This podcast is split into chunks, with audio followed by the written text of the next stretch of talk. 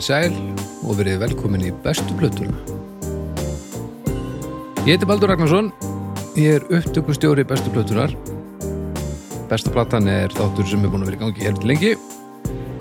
E, Þetta er þáttur 100 og einhver helviti slatti. Þetta komið yfir 150 eða? Já, já, Já. þetta er 152 held ég Já, það er alltaf gerast. Var, já, ok. Það er gaman að því. Þetta eru einn ægileg djöfisins seria. Um, þannig að þú ert hálnaður, haukur. Rúmlega. Já Með hvernig Bibi gerði það. Hver tekur nú vel að við það þér þá? uh, Þú, nú reyndar ekki, Ég- ég... þú grænir ekki jafn mikið og, og Bibi, þannig að það getur vel verið að þú tekir 200. Já, ég veit það ekki sko. Ég, ég er smá ágjur að því að plötunar klárist sko En þá var held ég klókt að koma með sér þátt að pælingur Þá lengjum við aðeins í Já, drí, listanum yfir plötur sem eru, eru til Já, það er rétt, það er rétt. Þetta er sniðut. Þetta var, þetta var stert. En við erum nú ekki að fara í, í þannig þátt núna. Nei, Uh, kannski ákveða að kynna gestina satt, það er sem maður gerir, það er hérna, eru mjög svona frjálslegar kynningar annars er já, fyrir ég bara, við erum hérna í nýjum húsakynnum og maður er bara, síðasti þátturinn verður bara eitthvað bull og eh, þetta er bara alltaf Bara leiðast í sundur. Þetta er bara leiðast í sundur. Eh, það er hérna, hann haukur við það sem er búin að vera að tjá sig hérna, blessaður og sæl, Hæ, gaman að sjá þig. takk, þetta er sögulegt. Fyrsta sinn sem ég er kynntur undan. Já, enda varst þú byrjar að tala undan og eitthvað. Og liggur líka á mjóbakinu sem er ofmatt held ég. Uh, Manstu þegar ég ætlaði að taka heilan dómstagstátt liggjandi á gólfinu? Ég man eftir því, já Það var ekki það var Kjörstaða. nei, nei, nei, nei, það var ekki hægt. Það var ekki, það var svipa góð hugmynd og mjóbaks hugmyndi sem, sem, sem þú hendir í einn á hann þú ert náttúrulega eins og maður serði holningan á honum dóttor ef ef maður sér einhvern og nokkuð tíman í þessari holningu þá fer maður strax að velta fyrir sér hvort einhver hvort maður eigi að ringja úr sjúkrabílinn eða, eða hvort maður er að býða þess sjá. Já, um, gaman að sjá því samt sömulegðis þrátt fyrir holninguna og svo er það hérna doktorinn, það er doktor uh, Arnar Egert, Já, mættur. Doktor uh, í tónlistafræðum Já, já, já, heldur betur. frá háskóla. Það er alveg, alveg mannskapur hér í kvöld. já, það er engir, þetta er ekki eindóðum með amatörar, Nei, þetta er engin aukvæsar það hér. er bara tveir. Það er einn, einn alvöru. Uh, út með doktorsgráðu Já, doktorskráðu í sem sagt, tónlistafræðum. Félags, félagsfræði tónlistar. félagsfræði tónlistar. Samfélagsfræði tónlistar. já. Þannig að þetta var, þú fórst á félagsfræði brönd Bara hvaða áhrif hafði það á haug Viðar Alfreðsson að vera úr Garðabænum og hans tónlistasköpun? já, og er, Já, það er ritgerð sem að já, er löng. Það er alltaf dyktu áhrifin dýkt og já. já. já, Og síðan er, það er ein rannsókn sem á eftir að framkoma hér á Íslandi. ok Borg versus Sveit. Borgvarsur sveit, já hvað kallar sveit? bara minni pláss eða sveit Bara Allt, allt, allt, allt nema Reykjavík, sko. allt með ekki já, Og Já, já. þú veist, hvaða, hvaða, þú veist, það væri, það væri risaransó, sko.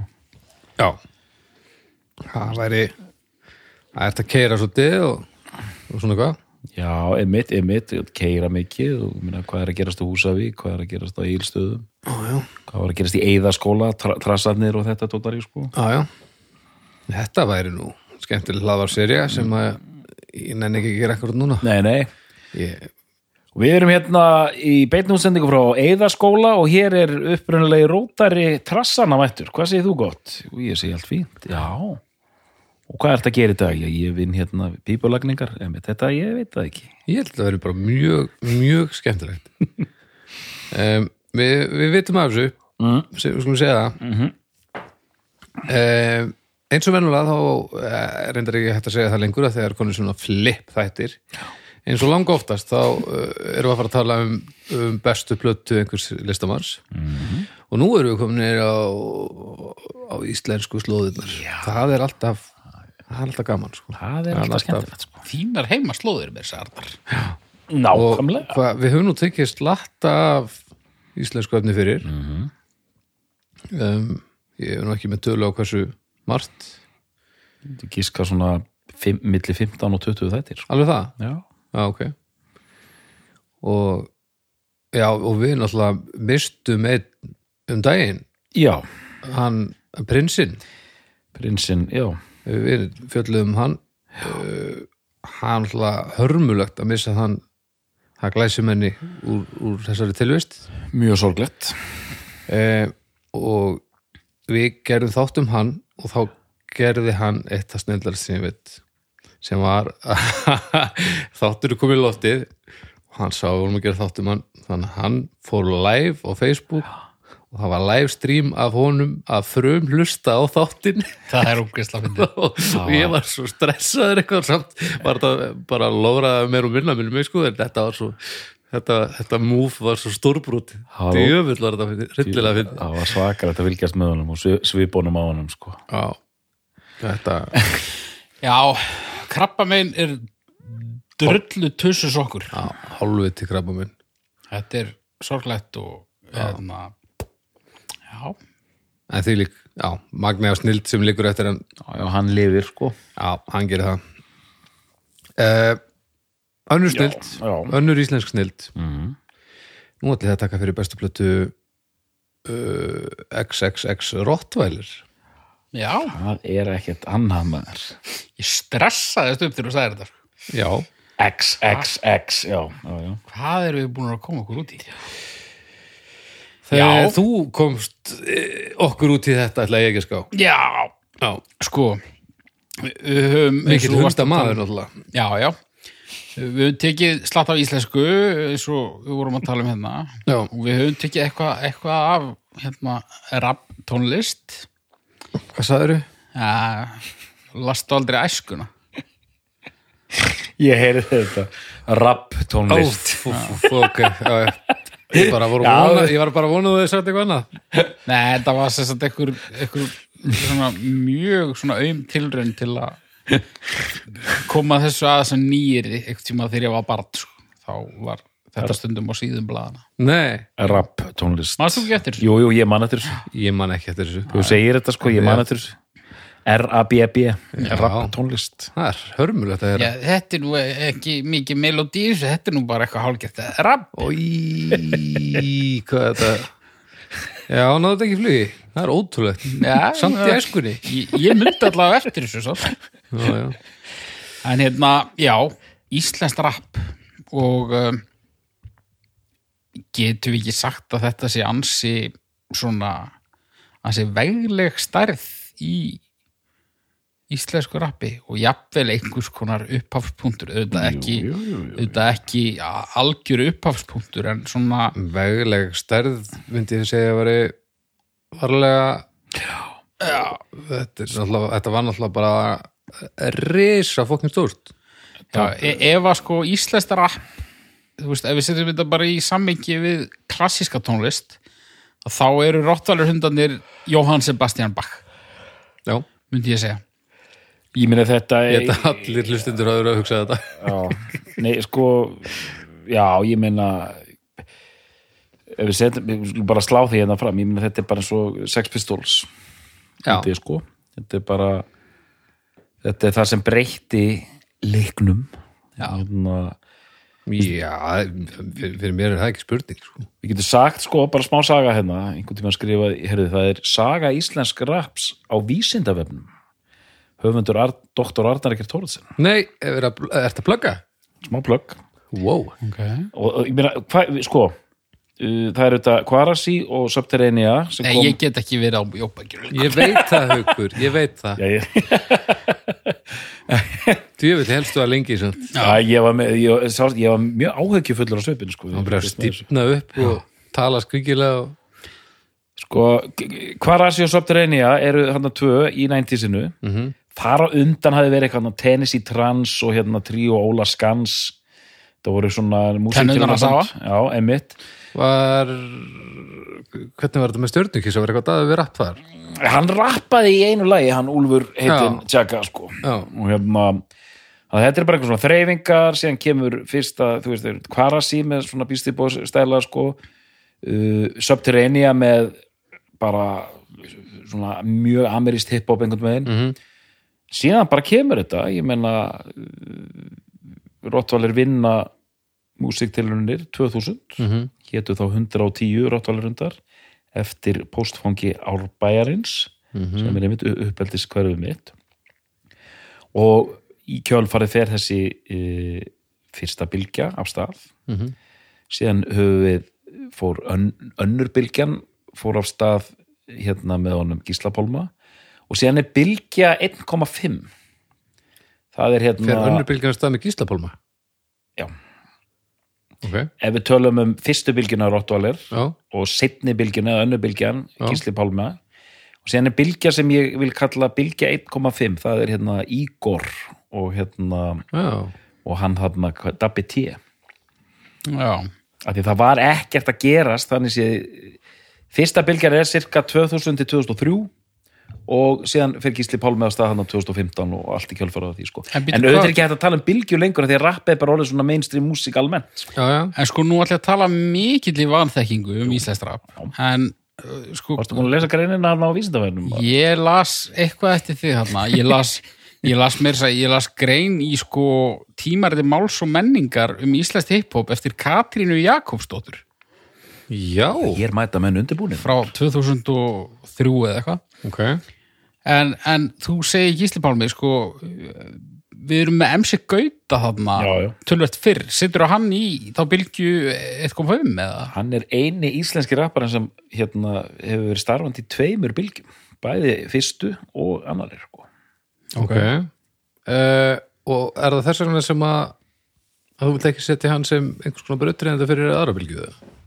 Já, þetta er, þetta er mjög góð spurning sko. hann talaði ekkert um það hann, svona ná, hann slefaði inn í fyrstu bylgjuna hann var 14 ára og var að gera eitthvað 2003 en sko hann er þetta mikill sko í þessari og reyndar hann, hvað var þetta, 2010 sem kom út þarna Já, Já. Ég, ég myndi mér er eins og hann sé Já, hann, hann, jú, jú, hann var það að byrja að starfa en bomban kemur með Gísla Pálma sko. og þannig erum við að tala um bara pop Já, Já. rap bylgjur, við erum ekki að tala um neitt underground að því að ég veit ekkit um það. Nei, nei, er í- í- allir í- bara að tala um hvernig þetta s- svona skellur á mér sem, sem áhorfanda úr, úr semifjerska sko.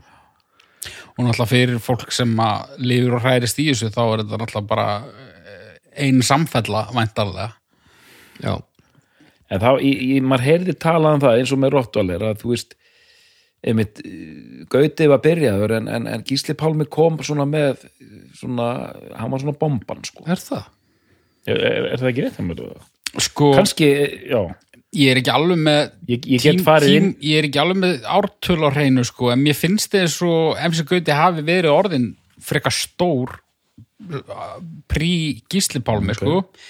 en ef við skoðum þessa bylgjur bara út frá stíl þá, þá á Gauti kannski frekar heima með þessum hérna, 1,5 með þessum rottvælir mm, Já, já, já. Þú veist ef, við, ef við tökum bara svona attitúdlega séð sko. Já, já, já, já. ég, ég átta mig ekki alveg á því.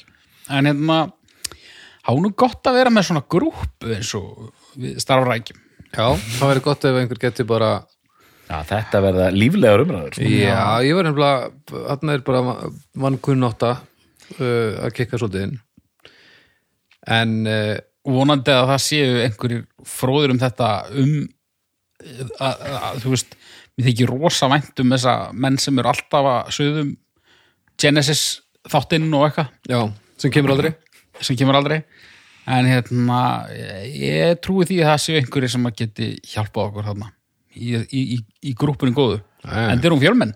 Já, uh, en svo náttúrulega sko og, bara, og þetta er að reiki sko, Davíð Róts hérna fyrir Rúf komin sinn og sagði að fyrsta bylgjan væri Kvarasi og Subterrenia, önnur bylgjan væri Rottvalir Já. og þriðja bylgjan væri hérna Gísli Pálmi og það allt og, og, hérna Úlfur hvað þetta er hérna? Úlfur, Úlfur, Úlfur, Úlfur og það allt já, en ég er ósamála þessu, mér, mér sko hverju? Að mér, Kvarasi og Subterrenia var engin bylgja eða sena, þetta voru bara tvær hljómsveitir sko. En stærðin því var mjög stórt já, en en það var náttúrulega svolítið út ævintýri eitthvað já, já, Söpturinn, já, hefur svona svona, svona opaslega virðingarstalli já, já, en ég er að spá sko, hvernig við skilgrum senu sko. þá þarf já, að vera með algjörlega. nokkra hljónsettir og, og áþekkar jafnvel sko. já, já, algjörlega en En núna verð ég, strákar, og ég er að tala við ykkur báða, sko, við verðum að segja Subterranean. subterranean. Já, bara, en subta. Það má líka. en hérna, en já, náttúrulega hluti kannski eh, bara burt sér frá öllum gæðum, þá, þá náttúrulega er hluti af svona brautriðjanda starfi Rottvaler er náttúrulega íslenskan. Það er hárið Kvarasi og Subterranean og einhverjir minni spámenn sem voru nú þarna undir lok tíunda áratöðurins mm. þetta var uh, flest ef ekki allt á ensku. Misgott en allavega þessi tvö bönd gerðu það ágætlega að rappa á ensku. Uh, hvenar erum við að fá Dóta Norðan á íslensku? skitturnar og það, Já, það er eftir Rottweiler það er svona 2003-04 fyrsta plata skittana var 2003 skist á eina, skittnanna skittnana já. Já, Já, já, það kemur náttúrulega bara eins og þú sagðir, það kemur uh, uh, þessar sveitir spretta upp eins og gorkúlur í, í kjölfar vinsælda rottvælir Mhm.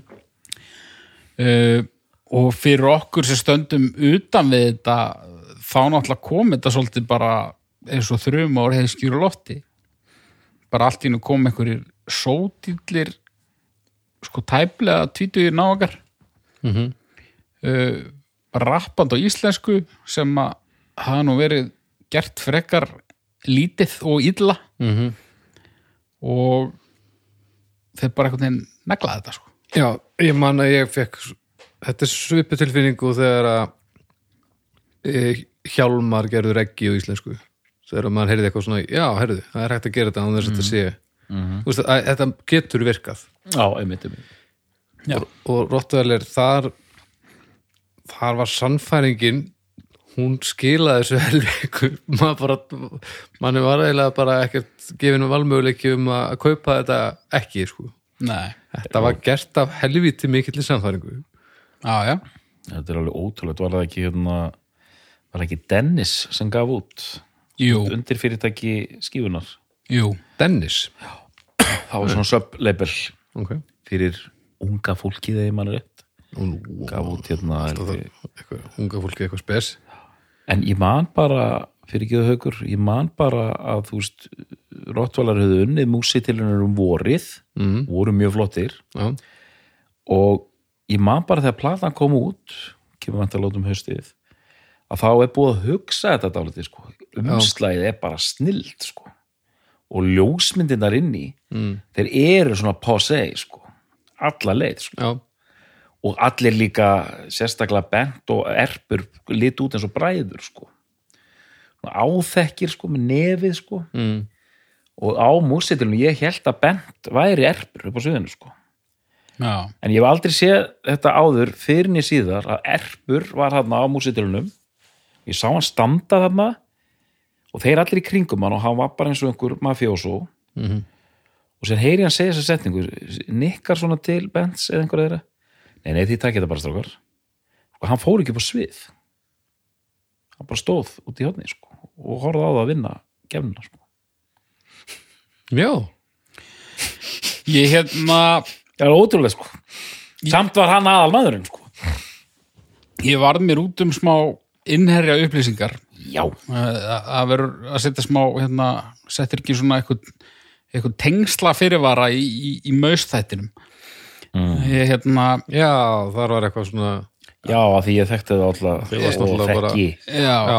Ég, ég þekki alls ekki alla þessa menn en, en hann er Eiríkur sem var hérna, plutusnúður á þessari plutu og, og, og var hérna með honum í músítlurunum hann hérna, er góður verið minn í dag ég þekkt hann ekki á þessum tíma þannig að ég, ég tel mig hæfan til að, horfa nokkuð svona hlutlausum augum á þetta á þessa fyrstu plötu sem að ég stilli fram sem lang bestu plötur áttvæler af tveimur. Ok, Uh, ég talaði við hann áðan bara, mér vantaði smá svona bakgrunnsinfo vegna þess að ég tók nú langt rangt hérna áðan ægilegu sérlokk að brjótast fram í þér? Já, bara þetta er, þetta er búið að vera svolítið vesen sko, hljóma þátturum var það var ekkert mál sko. Og því það er búið að tíminn er lunguliðin og það er búið að skrifa bækurnar og, og gera heimildamindirnar mm, en þegar þú ert komin í eitthvað svona þá, þá verður bara svolítið að verður svolítið, þetta verður svolítið bútasaumur sko. þannig að þú vilt vita eitthvað um hver samti hvað og hvað var samplað hvar og, og eitthvað svona. Já, þá verður að fara einhverjar fjallabaksleiðir sem ég gerði og hann, hann sagði einmitt þetta með músíktilrunir að þá var erpur ekki orðin formlega meðlimur Já, í hljómastinni já. það gerist í rauninni eftir þetta. Ok, og, og, og við það að hann varð formlega meðlimur að þá hérna, þá var búið að menga þetta árbæjar klan þannig að þá breyttuði namninu sko. já, ég skil ok En, en þarna á músitunum hva, hvað var hans hlutverk sem óformlegur meðlumur? uh, hann sagði, hann reyndar tók það fram að hann, hann man þetta ekki eins og þetta hafi gæst í gær sko. en hérna, hann vildi meina að hann hefði verið gestur í einu lagi en þú veist, ég var ekki á staðanum hann að ég, ég, ég veit þetta ekki sko. En þarna er Erpur samt orðin svona, svona authority í rappi að því að hann var að skrifa mikið fyrir undirtóna. Já, sem hann var að dæma rapplötur já, þeir, bræðunir, hann og Cesar Já, og þarna er hann líka orðin svona, hann er orðin svona heimilisköttur innan hljómsveitarinnar, þó hann sé ekki orðin formlega meðlimur. ok Hann er, og þeir eru þarna í einhverju ægahúsna að taka upp eitthvað demo og eitthvað, hann er þarna, hann er svolítið svona í kringum þá. En sko, sagan er þannig að, þetta eru sagt, þetta eru tveir menn sem stopna þetta projekt og það er sagt taktasmiðurinn Lúðvík, Lúlli mm. og uh, Elvar rappari sem var í rauninni held ég hættur þegar þessi plata kemur út. Uh stopnaði setna afkvæmi guðana og er núna leikstýra hryllingsmyndum. Mm uh, þeir tveir stopnuðu þetta. Skóla bræður úr árbæðarskóla og svo er þetta bara svona svo er þetta bara einhver samtíningur, bara einhverjir dúttar. Bara já, heyrðu, þú, þú ert eitthvað eitthva smá í hiphopi, hérna, ertu með okkur? Og úr verður einhver kjarni sem að er fjölmennur og svo heldast menn úr lestinni, þú veist, það voru hann nefndi alls konar nöfn sem voru í þessar hljómsett fyrir músitilunir já, sem að hættu eða hvernig sem það fór. En þannig að það er svolítið svona uh, svolítið, mikla róteringar hérna fyrst. En svo gera þess samning við Japis held ég sem að fer síðan á hausinn og, og, og sk- skífan kaupir samningin og, og þetta kemur út á Dennis. Og þess að line-upið á þessari plötu uh, formlega í hljósetinni eru sagt, Lulli uh, Erpur Bent og uh, Eirikur Ok. Fjórir. Þeir eru fjórir og en svo er náttúrulega bara eins og vanin er á, á rappplötum ég, ég er ekki hættur að nota þetta. Ég heyri það og svo segir. Hann, hann, hann það er, þetta. það er mikill gestagangur mikill gestagangur. Já, og já, þú veist, já. Elvar er þarna í einhverjum lögum og þó hann sé hættur og, og, og þú veist, þarna er Dóri DNA og það er alls konar Mhm. alls konar, Alls konar spaðar. alls konar spaðar sko. en, en þetta er svona sagan af tilurð hljómsveitarinnar. Uh, og engin í rauninni hafði gert neitt svona sem að geti þekkt fyrir þetta. Fyrir, en, en það eru þeir mjög ungir sko. þetta er 2000 og þeir eru fættir fyrir utan erp. Þá eru þeir fættir svona 82, 3, 4 á þessu bili. Og svo er erpur þarna 77 held ég. Já ok, þannig var nú það, þá erum við komin með svona smá smá stökkpall Smá- smá- út, í, út í plötuna. Akkurat. Uh, Mér langar samt að spyrja þig Arnar, hérna uh, bara, þú veist þú sást á vinna músitirunir Já, en, en pl platan, þú veist, var þetta plata sem að fyrir þennan undirbúning þú þekktir vel eða? Já, já, ég hérna og uh, ég, ma, ég man, þú veist maður átti þessa plötu þannig er ég nýbyrjaðar að vinna á morgunblæðinu sem fastu starfsmæður, það gerist hausti 2000 og platan kemur hann inn og, og ég tek viðtöl við einhver af þeim og svona og, og fylgist með þessari senu verða til, Átni Mattíasson reyndar átti þetta alveg. Hann skrifaði held í dóma um hverju einustu plötu sem kom út og hérna, en ég man vel eftir plötinu en, en ég hafði örgulega ekki verið búin að hlusta á þetta í bara, ég veit ekki hvað lengi þegar ég var að heimsækja hann aftur fyrir þennan þátt sko.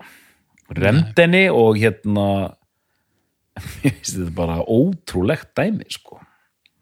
Já, það eru mjög margt að tala hérinni og, Já. og, og kannski bara gaman að, að taka þátt sem er mjög fókuseraður á eina plötu og við þurfum ekki að renna yfir einhvern tíu plötu katalóg hérna en sko það er líka ótrúlegt sko við munum eflaust að ræða eitthvað svona umfjöllunarefnin og hversu vel sumt þarna eldist svona með hérna, tilliti til breyttra tíma og svo framvegis mm -hmm. en það er samt alveg með ólíkindum hvað það er gengið langt á þessari plötu og hvað er eiginlega bara komist upp með það sko. já, já, já, já. mm. Það, og, og þú veist, ég man bara þegar ég heyrði þetta sko, ég var einhverjum skýta bíl sem ég átti á sæbraut og ég heyrði sönn íslensk sakamál lagið í fyrsta skeiti Mm. ég bara ég bara breyttist úr 22 ára einhverjum þungarokkara í bara svona í bara svona ameríska ofsatrúaðar húsmóður sem signaði sig ég bara, ha? hvaða hvaða ill menn er þetta? mikið punk sko. Já, verið að vísa í sko mjög alvarleg og hræðileg sakamál sem jafnvel voru ekkit sérstaklega gömul sko. Og svona hafa þau í flimtingum. Og hérna og svo bara platan öll það er bara alls konar það er bara klesjan, bara þeim er ekkert heilagt. Náttúrulega eins og venjulega þá kem ég inn í þetta upptökusessun ekki vitandi hvað hún er að tala um. Ég er að fatta að ég, ég held, það er mjög langt síðan að ég hef flustað á þessu plötu.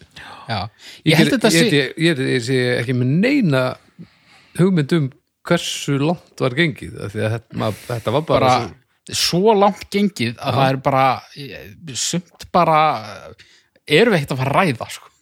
Já við erum þar. Já, já, ok, það er bara þannig sko. Þú veist, en það er rosa mikið hérna það er geggja svona spirit á þessari plötu sko. Þú ert bara frá fyrsta lagi til því síðasta, þú ert bara á geðveiku ferðalagi sko. þetta er bara svo að vera einhver svona lestar hérna. Þetta er, mér finnst þetta alveg svakalegt að maður var að rifja þetta upp aftur sko.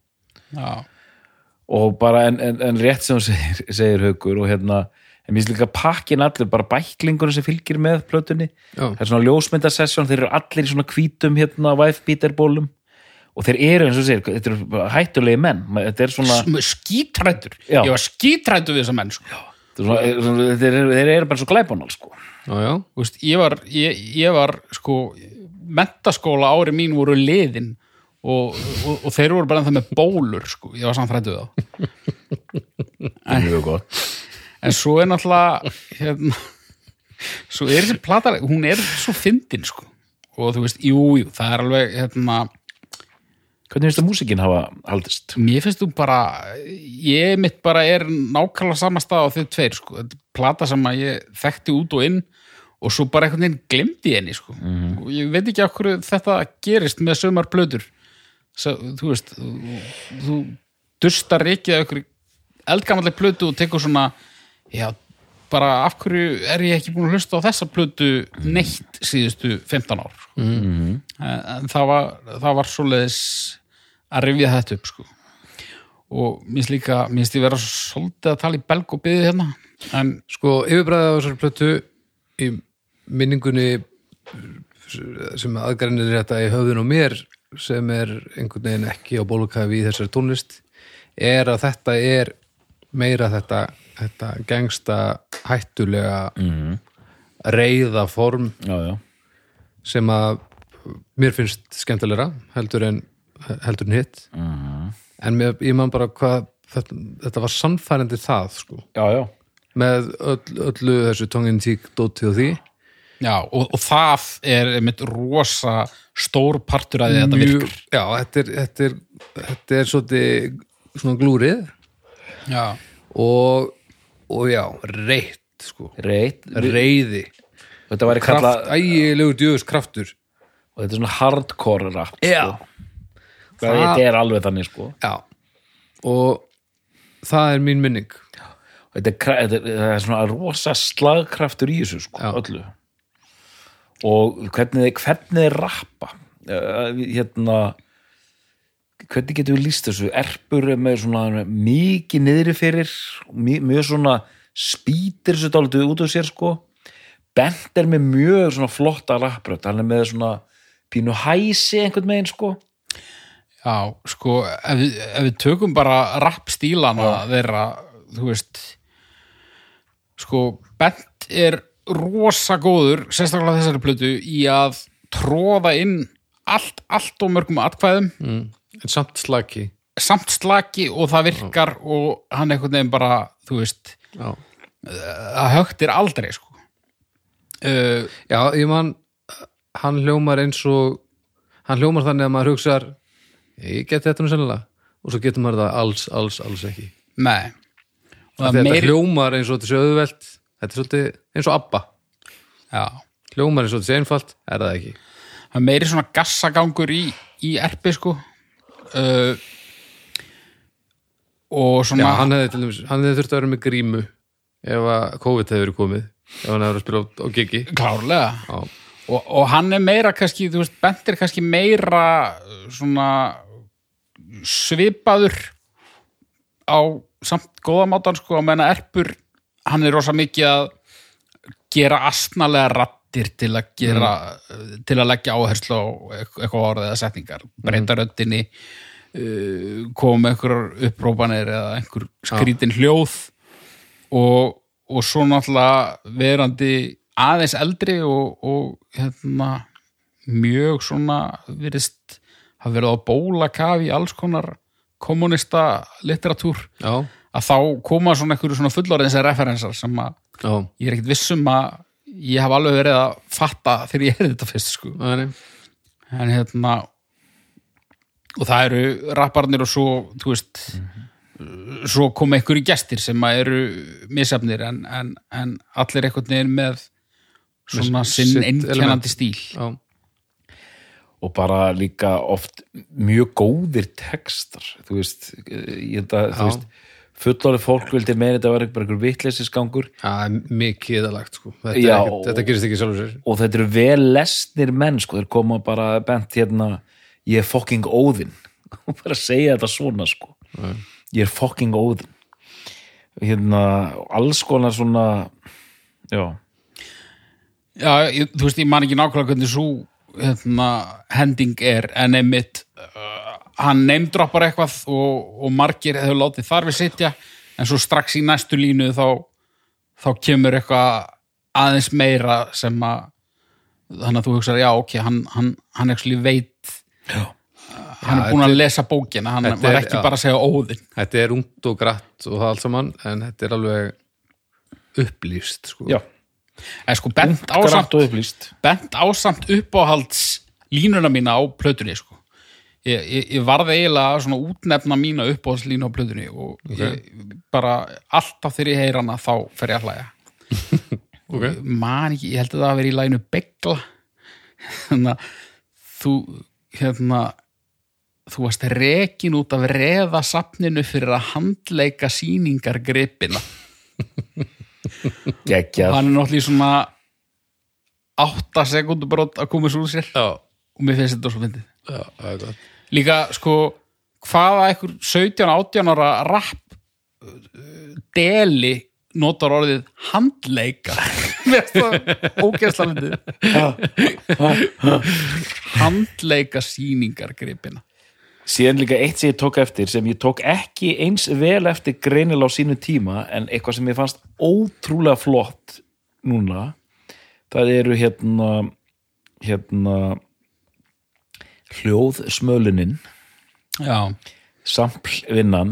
Heitir það hljóðsmölun. Það var það, og, er þetta það- orð flaug það er fucking pyrrandi hérna, hljóðsmali samplin. Hljóðsmali er geðvegt sko. hljóðsmali.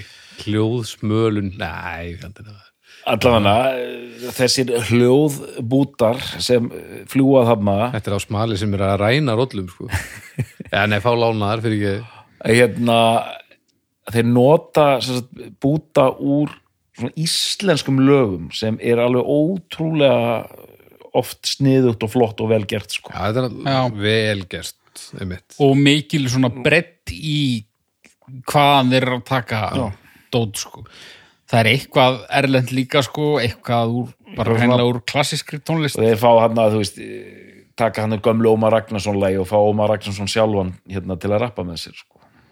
Já, já, já, taka dýrin í hálsaskogi já. Já, þetta er, þetta er svo fyndið þetta hérna, hí á þig hérna með Ómari hérna, Ómar er svona eldri svona. Hva, ég, ég er nú bara mættur hérna og það, það er bara einhverjir rottvalir hundar hérna út um allt með einhver læti. Sko bara hí á ykkur hí á ykkur. Og síðan, síðan fyrir lagi að stað. Já. Og hann, og hann auðvitað, Ómar verður alveg snar geðu ykkur í læginu sko bara svona uh, hí á, hí á hí á þig, hí á þig, hí á þig og þetta er bara svona sturlaðlag já og svo þetta er í hérna uh, durtakórin sem er ekki nefni tóntegund við lægið sko mm. það eru nokkur þannig moment af plötunni það sem þeir byrja bara að syngja og þeir bara, þeir bara ákveða einhverja tóntegund það er ekkert verið að pæli hver nei. hún er Nei, sem er mjög dólkslegt og, og, og gefur þessu svona aukið vegi Þetta var líka allt saman mjög dólkslegt En sko, ég, ég spurði hann einmitt aðeins út í Ómar, sko. Og hann sagði mér það að fyrirvarin sem Ómar fekk, þeir, þeir voru í stúdíónu, þeir hringdi Ómar, hann var á leiðinni út úr bænum og kom við í stúdíónu og Já. gerði þetta. Og hann, hann hafði aldrei heyrt á þá minnst. eh, og bara græja þetta Bara græja þetta. Amma. Sem er Ómarslegasta sem ég á æfinni heyrt, sko. ótrúlegt hann var bara geggja til í þetta og bara sagði allar sögurnar og bara og svo var hann bara farin bara eins og stormsveipurinn sem hann er Flög hann aftur í burtu já. Já, vá, en mér finnst líka þegar þetta kem, þessi plata kemur já, er eitthvað þessu svipa búið að koma? Ekki á Íslandi. Ekki á Íslandi? Nei. og alls ekki á íslensku þó? Alls ekki. Þetta er uh, fyrstu Akkur í anskottunum gerist þetta? Þú veist, akkur vitum við hvað nei, sko, það, það kom út sama dag eða hún kom út degi á undan hérna platan Sessasa Já, og sem var þá myndi eh, flokkar sem fyrsta íslenska breiðskifan þar sem er rappað bara á íslensku. Það er plat- platan Sessasa já, þann, gefun hún það. Ok. Daginn eftir kemur út þessi Rottvaler plata öll á íslensku. Meni, þeir röppuðu þetta á íslensku á, á, á til, til raununum um, en af hverju gerðist þetta? Þú veist, er þetta bara veist, af hverju að, færa þetta yfir íslensku? Ég finnst svo merkilegt eh, og Robby Rapp saði einhvern veginn við mig. Þetta hljóman er svo lega saga. Hann sagði, ef þú ætlar að ná einhverjum árangri í rappi, þá þarft að rappa á ensku. Já, og jú, kannski var hann að meina erlendis, ég veit það ekki en sem er sennilega rétt. Já, en þeir síndu að þetta er hægt einhvern veginn.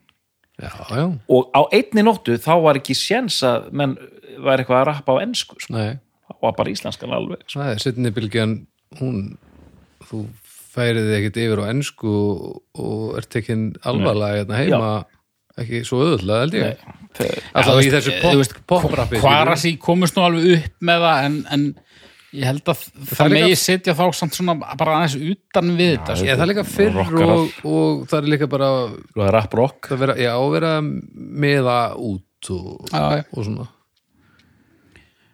en hérna, já, þeir gefa út hvað Jinx 2002 einhvern veginn, mm. ekki?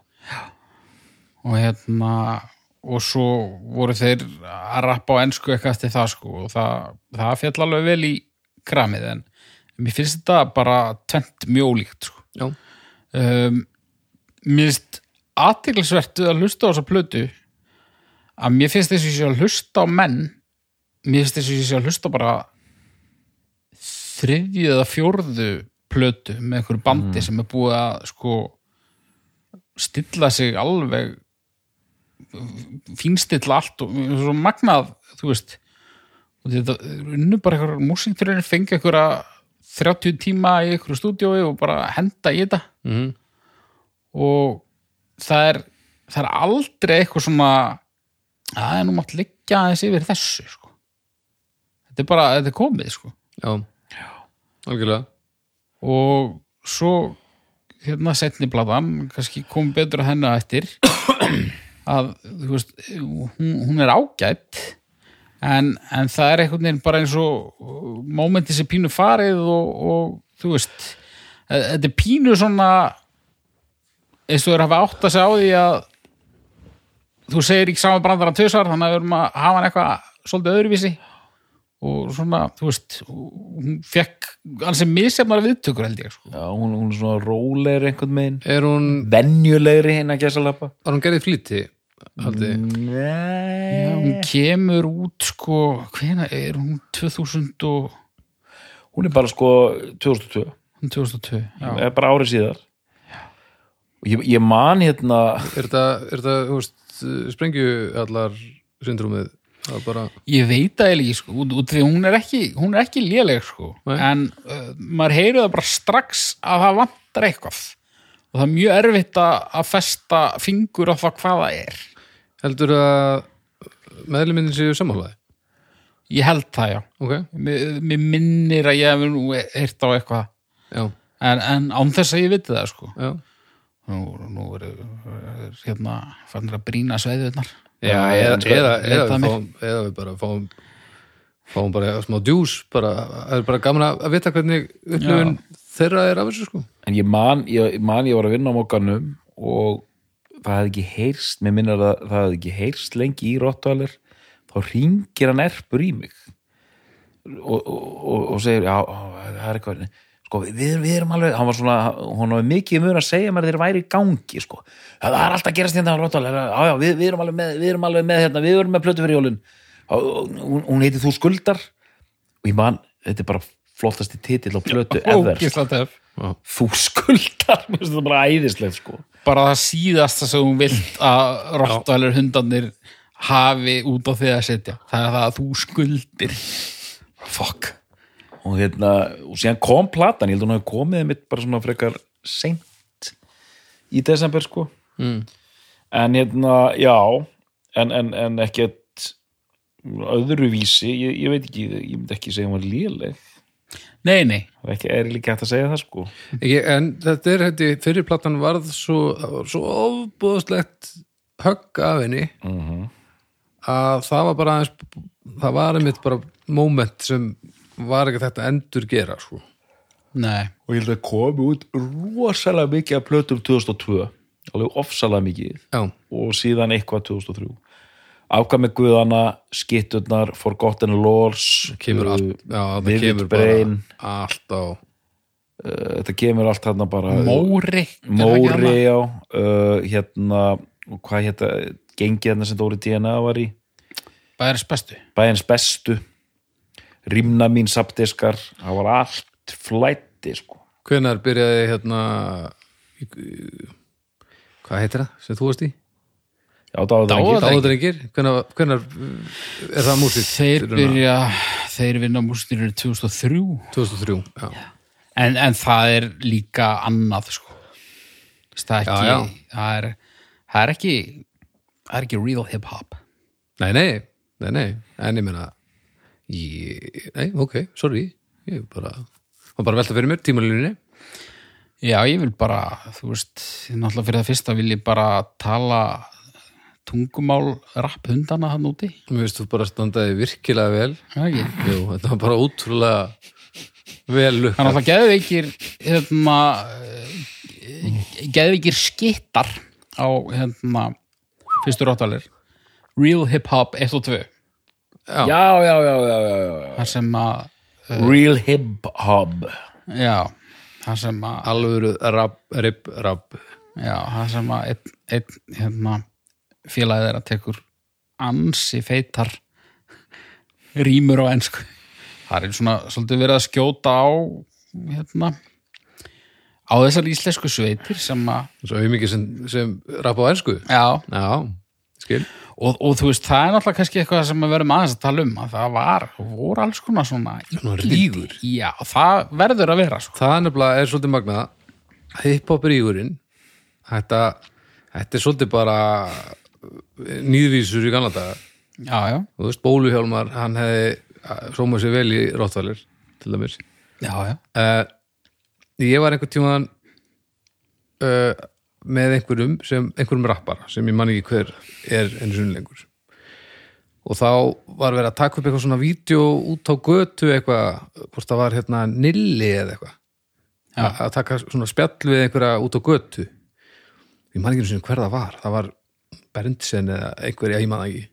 Og nilli er eitthvað að spyrja svona, já, hérna hvað er þetta að hlusta eitthvað? Og hann segir eitthvað og og þá segir Nilli eitthvað, já mamma hún hlusta nú bara ljótu hálfvitan eða eitthvað og sá sem var að taka viðtalið við bara ljótu hálfvitan hvað verður með það? Eitthvað svona. Og þá man ég að þessi rappari sá þetta og hann sagði ef að einhver hefði sagt þetta um mig sem rappara í þessu þarna þá hefði ég núna búið til efni og drullaði yfir viðkomandi. Og meðan ég horfði bara á þetta bara, ha ég ljóta hálfutur eigum við bara að fara að segja mér eitthvað, rella, rella kúkabensin og eitthvað. Diss-track Já, með, og, og mandolíni. bara hugsunar mismunni, ég hugsaði bara ha, er, þetta bara svona er, þið bara alltaf að taka slægin þar þess? það er pínu sjármennandi líka náttúrulega. En, eh, minna hættulegt hérna heima heldur en það sem rótin kemur sko. Töluvert af sko. því að þetta var náttúrulega En stór það hættulegt, voru alveg- það voru alveg- stimpingar sko. Já, en alveg stemmingar já, já, ok, og, og lengi ég meina, munið ekki eftir hérna þeirra Móri réðist á erp með skúringamoppunni en þarna. það, það er einmitt meira miklu meira fyndið en, en hættulegt skilur við það er stór hættur að fá skúringamoppu í sig, er þetta að djóka? Minna nei, en að fá skot í hausinn til dæmis skilur nei, var það ekki erpur sem að varði sig með moppunni? Hvernig, hvernig var Ég man ekki hvernig það var, ég man bara að það var einhverju tónleikar þegar Rottvæli kom og þeir eru allir með moppur á lofti. Já, en, en svo, en ég veit samt ekki hvað hefur síðan verið í gangi þess fyrir utan sko. Nei, nei. Já, já, þú veist, þeir eru náttúrulega einhverju leiti svona, maður spyr sig alltaf sko, maður gerir það klá- klárlega ekki í, í Los Angeles 90s þegar menn voru að skjóta kannan annan, Næ, en í þessum innlendu rap bífum sko, já, mig, mig grunaði alltaf að þetta væri að hluta til bara, hérna, blaðamenn bara af, markasetningu já, bara Já, búið fá til eitthvað. Búið alltaf til. Já, svona íkja og blaðamenn sem að, þú veist, nenni ekki að skrifa enn eina fréttina um verðbólgu, skilur Nei, fá eitthvað, eitthvað svona dæmi og, og það sé kannski aðeins meiri kumpánleg heit á milli stríðandi fylkinga heldur en heldur en látið þeir uppi í fjölmiðlum. En eins og þá ef við erum að tala um bara félagslega þátt fyrri og setni uh, bylgjunar hérna heima það er engin svona rígur í setni bylgjunni ásjánlegur allavega, en þetta er Nei. orðið miklu þetta er orðið miklu meira pop í runni Satt og mér fannst þetta, þetta dæmi, mér fannst þetta mjög svona kartúnist hérna í, í kringur Rottvælir og þessar fyrstu Já, bylgjur. Sko. þetta var svolítið svona eins og að, að þetta gerir maður þegar maður er í svona hljómsveit Já, bara, hei, heyrðu, við, við erum öllum að vera eins og amerikanandir, sko. Mér fannst þetta alltaf pínu svona, eh, þú veist, en eins og er þá er ég samt að fatta það núna að, að sjálfsögja ljótu hálfvitan er að fara að drulli yfir alla sem hafa talað illum þá við þurfum að fara að semja nýðu plötur að, Ég En, en, eins og segir mér þetta nýja, ég meina Netursmjör og MC Gaut og svona pop, já, það er náttúrulega bara alveg mainstream. Var þetta ekki allt í gamla daga, nú er ég bara að hugsa þetta var, þannig sé bara underground. Þetta var þetta ekki bara að spila á X-inu? Rottvælir, já, ef, ef þá það? Jú, ég, ég, þú veist. Það var eitthvað vídeo í að umferð mest, þarna. mestu leiti þetta er náttúrulega dettur inn á þessum pop-tv já, tíma sko. Já, þetta fer en samt, þetta er ekki þannig að þetta fari framhjónunum, held ég. Já, maður var náttúrulega samt einhvern veginn Nei, þú veist, akkurat í ég- skot, bara, maður var skotmarkið einhvern veginn. Já, en við vorum samt ekki í rap undergroundinu Nei, og þetta alveg sko. Já, já, þetta, þetta ná, alveg flög í gegn sko. já. þannig að þetta var ekki, ekki einhverji lokaðri rappbylgju sko Nei, og þú veist og, Nei, af, nei, af hverju var- sá ég öll þessi myndbönd svona, Nákvæmlega, og það þetta- hlýtur að vera á pop-tv sko. Nei, og þetta var líka bara í öllum blöðum endalust verið að Já, taka já. viðtöl og já. undir tónar þannig að nei, nei, þetta var ekkert Átni, Matt skrifaði af, af miklum mikilli áfergju um þetta í mokkan já, spáði því, hann dæmdi hvernig einasta disk Já. sem kom út gott held þessu alveg gangandi sko. já, skrifaði rísa greinar í lesbókina og allt svona sko. það þarf að það þarf að já, stuð, stuðja við Já. það sem við verið að gera hann er, hann enda slutir Já. En svona, þú veist, ég veit ekki hvernig við tæmum umræðina um þessa plötu sko. Það er fyrstu. Já, mér er samt áhugavert sko, einmitt að hlusta á þetta síðan sko, að hlusta á þetta núna 20 árum senna Mhm. Þá eru svona aðrir hlutir sem stuða mann, heldur en gerðu þá. Já, já. gottum með það.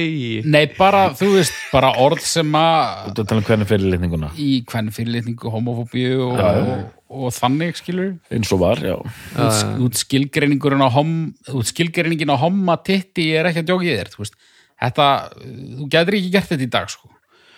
og þú veist það er þessi eilífa spurning sko, hva, hvers, hverju á maður að líta framhjá út af því að það var í gamla daga og, og hvað þarf að vera langur tími liðin veist ég fer í smá svona dauðarokk stellingar þegar ég hlusta á þetta. Bara, þú veist er maður eitthvað veist, Cannibal Corpse og hvern fyrirlitning er þetta ekki orðið þannig einhvern veginn að maður maður verður bara einhvern veginn að ja, ég veit ekki, ég veit Maður- ekki hvernig mér á að líða með þetta. Uh, ásetningur. Kíkja á ásetningin. Já, hvað, hver var meiningin þá? Og hvað mynd, myndi viðkomandi gera þetta eins í dag? Já, ég meina þú veist þetta eru menn svo- undir tvítugu sko. Já, já. og ég þannig að meina þú veist ég held að þetta hafi verið bara meira til þess að stuða heldur en að, að virkilega meiða einhvern. Já, á alveg þessi, klárlega, á, þú veist alveg klárlega en og, ég, ég fyrir bara alltaf í ásetningin bara hvað, hvað varst að reyna að gera hvað varstu á þessum tíma og hvernig myndur þú vilja hafa gert þetta núna Já. En þú veist, ég veit það ekki, þú veist, eh, hvað finnst mér um að krakkandi mínu vera að hlusta á þetta í dag? Ég, ég, ég veit það ekki, sko. En eh, mér finnst allavega á þeim stað og stund, sko, þá þá alltaf fannst manni minna af þessu eitthvað tiltökumál, sko. já, já, algjörlega. Og það spilar stóra rullu sko. Og ég meina erpur sem að hefur verið svolítið svona andlit sveitarnar út á við síðan að hann gekk til liðs við hana hann hefur ekki veist, hann hefur verið bara mjög hvað maður að segja progressífur og, og bara virka frekar heill í viðhórum sínum í gang tíðina. Já, hvern, hann er búin að gera slata soludóttur ekki? Jú, gaf út plötu mjög skemmtilega hérna Copa Copa Cobana já, með svona Copavox tilvísun. Hún kom á 2016 held ég. Já, já, ef að geta það verið. Jú, það ekki. Já, mér finnst eins og þessi lengra síðan en, já, það, En þú ég er kannski að ruggla ég, ég, er- ég er sammála, ég, hún hlýtur á að koma út en ég minna 2016, mann er fyrst að hafa verið í gæri en það var fyrir sex árum ég sá þetta á Spotify ár er alveg langur tími, sko. já, hún hefur kannski dottið inn 2016 á Spotify hún hlýtur, hún, ég held hún hafi komið út 2010-12 eitthvað svoleiðis, sko. hún var mjög fyndin og skemmtileg með geggjum ljósmyndum frá Kópói, Hamraborgin og svona mm. hún var mjög hressandi þessi plata sko. hún var mjög erpsleg einhvern veginn sko. og síðan hafa komið svona singlar frá Rottweiler svona Já. annars leið Já, og alveg bara svona nokkuð stórir singlar annars slæði sko. Já, ég sá að það var 2013 var einhver frétt einhver staðar og þá eh, voru þeir að tala um að hafa verið plata á leiðinni. En svo held ég að þetta var bara færst yfir í singlamaskinu einhverja. Einmitt. bara eins og, eins og svo margt. Já, ég, aðrir, sko. ég held að veri tvö að þrjú lög sko bara frá 2022 sem eru þarna efst á, á Spotify. Já, en mér finnst- magna einmitt með erp, mér langar kannski aðeins að velta fram stóru erps spurningunni sko. já, komdu með það. Uh, við erum með mann sem er mjög svona óheflaður í framkomu. Jú, jú. dólgslegur. Af hver, hvað er það við hann af hverju er hann svona gútteraður að miðaldra fólki já, hann er svo sniður þessi erpur. Er hann? Já, Er það að tala um þig þá er að Nei. um ennþá ég er að tala um sko kynslu og foreldra minna. Sem Já. horfði að sem, sem sá hann bara á skjá einum og, og fannst það bara ekki þetta sniður. Hann var alveg helviti sniður. Já, en, en en hann var vissulega Er það ekki bara því hann er, Hann er- sérmærandi? Ég spyr mig sko, veist, mér finnst hann mér, mér finnst hann það en, en þú veist, hann er samt í rauninni allt það sem þetta fólk ætti að hafa ímugust á. En einhvern veginn náði hann að verða svona svona heimilisvinur. Já, ég, ég bara vissi þetta ekki. Er það ekki? Nei. Hefur þú ekki upplifað þetta, Arnar? Ég veit ekki, sko, já, en ég held ég, ég, held ég skilji, sko, hann er alveg hann upp, hann er úr svona góður og gegnri svona sósialista fjölskyldu úr Kópavóinu. Já, Sýstir hans er hérna félagsfæðikennari í MS, pappans hérna eyvindur, mikill svona, svona sósialisti, komi, hvað ég var að kalla það, sko.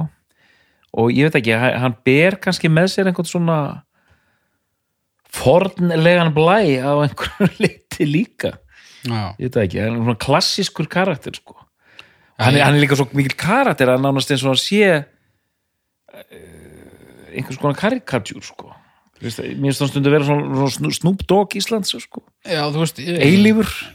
Ég, ég þekki erp til dæmis ekkert, ekki neitt. Já ok, ok. En hérna en hefur einmitt stundu velti fyrir mér sko, þú veist, er hann svona eða eða ítir hann á turbotakkan áður en að myndavelar fara að rúla ég, ég veit það ekki. Svo kemur hann heim bara og þá bara sest hann í sófan og bara fer inn í sko nei, nei, nei, en, en, en bara eins nema turbo bara hvort, hvort hann sé aðeins en erpur, írtari e- eða hvort hann sé bara alltaf eins ég, ég veit það ekki. Við erum ágættis kunningjar í og erpur sko, hérna, hérna ég tók við hann einhver viðtöl og, og við hilsumst með virtum ef við hittumst sko, hérna, og maður sér strax sko, að þetta er, hann er eldklár strákurinn sko. Það sé ekki það svolítið sem að, Hann sem að hann meðaldra hann krátið Já, hann bara, Fílar. skar, hann er bara skarpur sko. Já, hann kemst vel á orði. Já, þetta er svona, hann er svona skarpur. Þetta er svona, Muggisson hafði þetta líka með sér sko.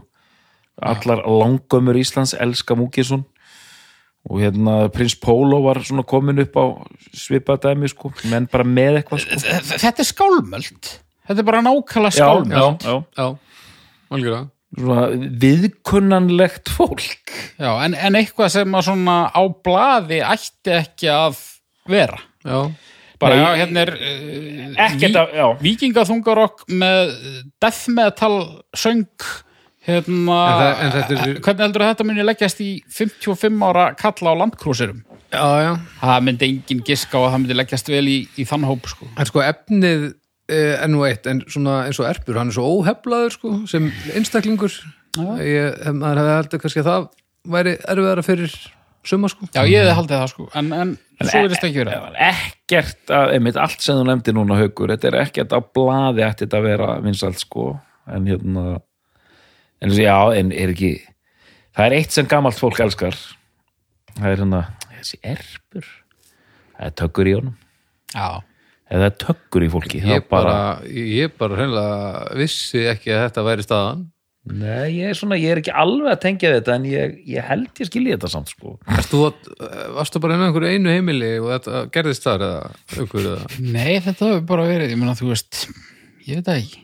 Erstu bara alltaf að hitta meðaldra fólk sem elskar er kom miðaldra fólk til að hugsa og sagði við styðjum erp Já, það væri gaman að heyra í, í, í grúppunni Já, hvort, að, hvort að ég sé bara einn um þessa upplifun. En það er náttúrulega líka að þú veist ég veit ekki, kannski er þetta líka það bara að þú serð eitthvað svona rapp vittleysing og gerir ráð fyrir bara að sé eitthvað hálfviti. Svo byrjar hann að tala og bara, já, heyrðu hann er það ekki. Að, að það þú veist þú byrjar bara að halda með honum. Ég veit það ekki það eitt sem hefur hendin í þetta er mjög gott, það er að tala um þess að plöta alveg endalust sko, að það er þessi svo, svo við reynum nú að gerast ögn, ögn, ögn gáulegir Við erum eiginlega ekkert búin að tala um það við erum vel ekkert búin að tala um það er, þetta er svo mikið sko þannig eru komnir einmitt ungir menn að tala um þeirra líf þetta var þetta var líka mjög hressandi sko. Þetta er bara Já, einhvern veginn, þú veist uh, smá krima mennsku og drekka landa og allt þetta sko. Er, úst, í, Líka bara í höfðun á mér þá eiga rottvælir það skuldlust að færa hiphopi og rappi íslensku og að það er ekki asnarett já, bara þessi fyr, fyrsta plata, hún bara staðfestir það og sýnir fram á það að þetta er hægt að gera þetta og þetta þarf ekki að vera pínlegt eða aðstæðlegt Nei, hún og stendur. það, fyrir mér allavega, ég veit ekki betur þá, ég pinnbóta bara beint á þessa plötu.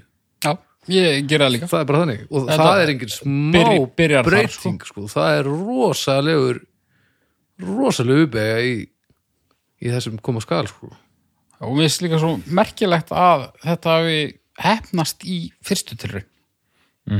Já, ég veit ekki til þess að ég meina eins og þú segir það hlýtur þá að vera rétt að þetta sé ásamt plötuna Cesars A. Þú veist, ég, ég man ekki eftir neinu neinu LP-plötu með íslensku rappi. Maður man eftir einhverjum veist, og undan þessu? man eftir bara eitthvað toppurinn að vera í teinóttu eitthvað skilju Nei, nei, þetta var bara þetta, þetta, þetta er, þannig gerist þetta í fyrsta skipti. Já, og þetta pinpointa þetta alveg niður á þetta sko early 2000s, þá fer þetta bara stað. Er eitthvað underground dót sem að er að gera þetta áður? Sem að ég bara veit ekki af? Ekkert, það er magnað sko. þetta er bara year zero. Þannig að við vorum bara já, það er bara óbúslega heppilegt hvað þetta var framkvæmt ógeðslega vel strax. Og það satt potið ykkur í grúpunum bara MC drullu spaði á Rauvarhöfn hann var, hafði ekki hýrt demo hans frá 98 og MC Sleikja frá Vopnafjörði maður maður hefði mestalegis einmitt séð ykkur bönd á, á, á, á hérna músillunum og, og hvað það það. En ég er alveg sammálega því sem kemur þetta fram. Kemur þessi plata er bara, einmitt þetta er bara, bara í fyrstu tilurinn bara búlsæði sko. Nei, menn það er ekki lengur ásökum fyrir því að gera þetta ekki á íslensku. Nei, Nei. bara og það er reynilega skrítið að ætla að fara að setja sig í ennsku stellingarnar aftur eftir þetta af því að þetta var strax svo hættulegt og, og eh, svona heftarlegt og, og dörrullugt og þetta og, þetta, þetta, og gott. Allt á miljón já, En fyndið og skemmtilegt sem að ég vil meina að sé hérna, það sem keirir þetta heim sko. og, og annað þú ert að tala um svona innsýn í þeirra líf en, en svo það sem að mér finnst e, gríðar stór þáttur í þessari plötu. Og það eru allar vísanirnar í íslenskan samtíma í atburði, í fólk sem fólk þekkir. Þú veist, í hverju lægi ertu með uh, 10-20 vísanir í eitthvað sem þú þekkir. Þannig að þú tengir einhvern veginn miklu betur við það heldur en ef þetta er eitthvað svona óljóst bara um hérna, uh, líðið árbænum sko. já, já. það er bara verið að neymdropa fólk hægri vinstri og, og já. Erfitt að finna þessa texta á netinu. Það er að bæta úr þessu þeir eru, þeir eru einhver staðar á einhverjum síðum og, og, og sumir kolrángir En hlustuðu þið eitthvað á aðrar plötur af e, þú veist, afkvæmi guðana, skitturnar? Ekki fyrir þennan þátt sko en, Nei, en ég hugsa ég hef nú rúlað flestum plötum úr þessari sem þú kallar fyrstu bylgju á sínum á tíma. sínum tíma, en þú Baldur? Annarkort sjálfur eða í gegnum eitthvað að um, lítið. Já, sára lítið ég, þetta, mér fannst þetta alltaf svona þetta var fyrir mér lang, þetta er langpunkað sko. þetta var bara næst því sem mér fannst Já. skemmtilegast á þessum tíma. En maður, já, já, maður er búin að heyra samt eitthvað í gegnum tíðina en, en aldrei þannig að maður hafi held sér í það eitthvað ég tók svona smá stikkpröfu fyrir þennan þátt, sko, afkvæmi guðana það var alltaf að tala mjög vel um þá, sko. Já, það var svona, algjörlega. hann hamma, Seppi. Já, og hérna, hún er svona allt öðru sér plata, svona hálfgerð svona gáfumannarapp, sko. Já, það var svona meiri drungi yfir. Já, já. svona drungi, sko. Jú, ég var- tekkaði nú alveg svolítið á því. Ég var líka taldi hrifin að Móra það var annar svona drunga, drunga plata, sko. Já, það er æðislega plata. Já. Þar er, þar er verið að taka okkur svolítið alvarlega sant? já, já, svona en eins og þú maður er samt aldrei viss sko. Já, en jú, ég held það. Og sko síðan hérna skittuplatan mjög flott sí, hvað heitir hún áttur þar er verið náttúrulega Íllgresið þar er verið að slá léttastriki svolítið. Já, það var hérna akureyriska sveitin. Já, skittunar, ekki? Jú, jú skittunar frá Jú. Já, mér þetta, eins og sí, ég tók bara stikkbúr þetta, mér finnst þetta mér finnst þetta hljóma allt vel sko, en, en allt kannski svolítið áþekkt sko, einhvern veginn. Forgotten Lores voru líka, þeir eru uppið á ennsku já, Nema, en ekki alltaf, er frægasta lagi er hann sprettur. Það væri gaman að fá kennslustund frá einhverju sem er búin að vera bólakafi í þessu allan tíman sko. að því uh, underground uh, dótið sérstaklega þarna framan af eh, var held ég að að þetta var alveg helvið trellingur mm -hmm. algjörlega sko já, já, ég átti einhverja nokkra skrifa diska með einhverjum lögum sem einhver hafi látið mig fá af þú veist, rock.is rap.is eða rock.is eða eitthvað sem bara alls konar sem maður vissi ekkit hvað var sko. okay. Mitt á íslensku og bara alls konar skrýtnir landsbyggða reymir hér og þar og, og, já, já. og þú veist, þetta virðist bara að vera horfið sko. það er hörmulegt sko. það er hörmulegt. En- þekkir ég mann rock.is en ekki með þetta bara á einhverjum flakkara? Ég hugsa að þetta sé allt saman til. Nokkuð vissum það.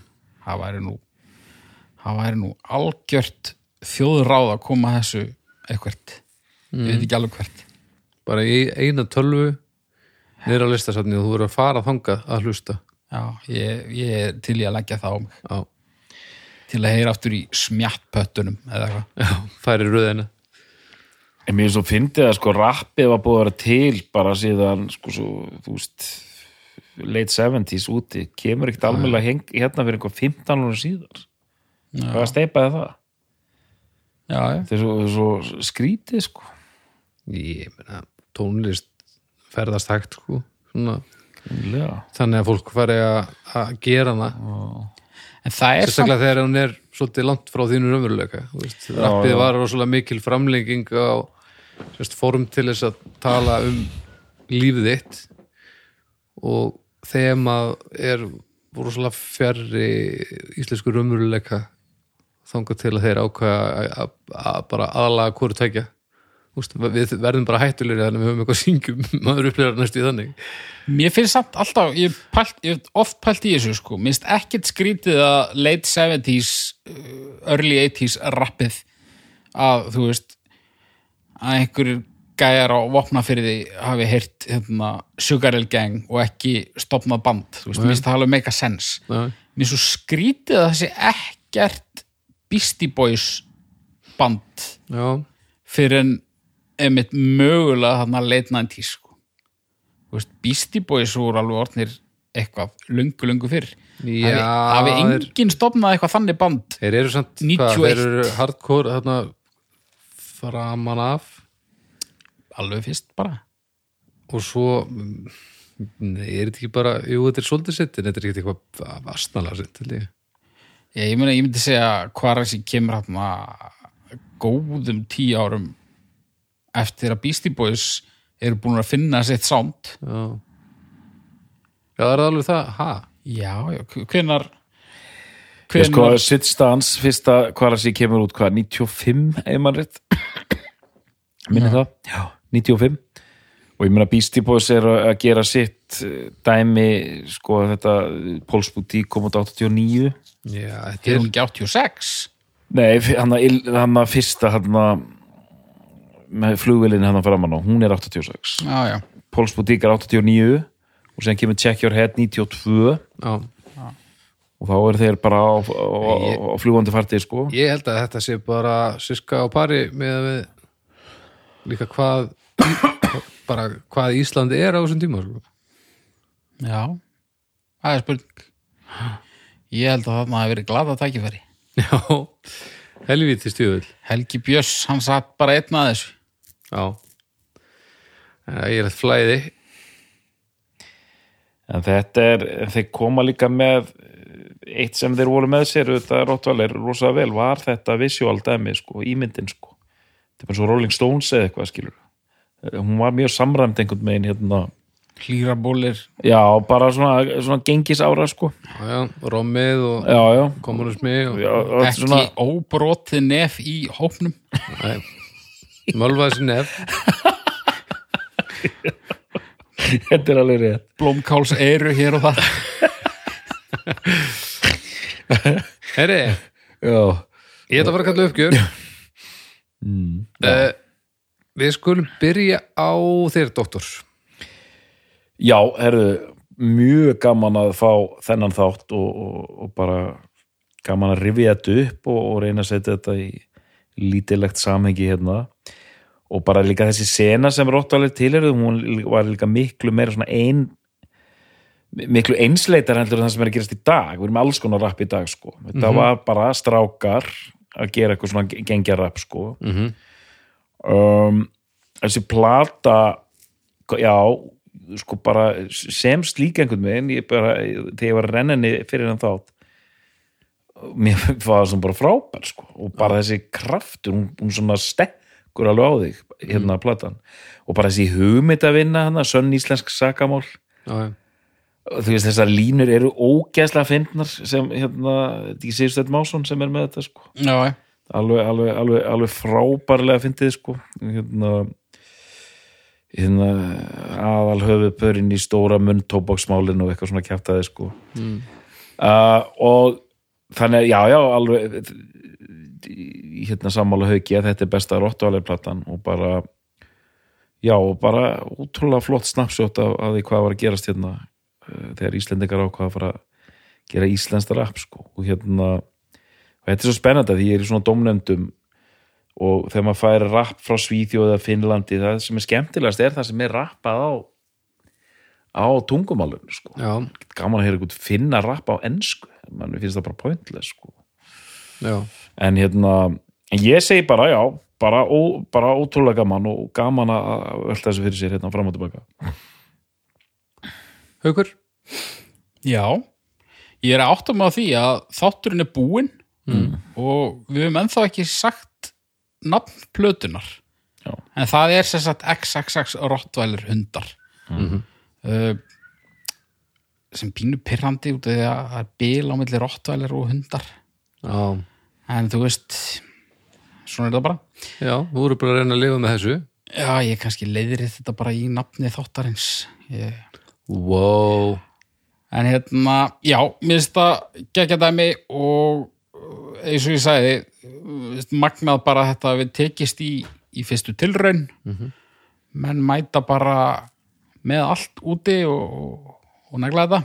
Mm uh, og bara, þú veist, textarnir uh, kímnin og mist, mist taktarnir frábærir sko ég mm þekki ná lúlla ekki neitt en ofbóðslega skemmtilegur taktasmiður ég veit ekkit hvað sem maður er að gera í dag uh, mögulega en þá er rottvælir ég veit ekkit hverjir eru rottvælir í dag er, mm -hmm. er, er allir sé ekki bara þeir þrýr Rottvalir er satt starfandi alveg. Já, Erpur, Bent og Lúli ég veit ekki, svo er einhver, einhver Þorstedt sem kom hann ja, það er hann að segja Já, þessi plata hún allavega bara rík heldur sér sem góður minnisvarði um, um árið 2001 Mhm. og árin í kring. Og ég er ennþá pínur hættur við þá sko. Það er gott. Það breytist held ég úr þessu. Það held ég. Það er kannski verið einhvern tíma nógu miðaldra til að fara að fíla erp Já, já, ég, ég, ég fíla erp sko. Já, já, hjúkvæð skarpur piltur. Flottur strák Eh, Þannig að Haukur, er þetta besta plata XXX Rottweiler? já, Doktor, er þetta besta plata XXX Rottweiler? Já, Við þakkum fyrir í dag og við heyrumst að vikuliðinni.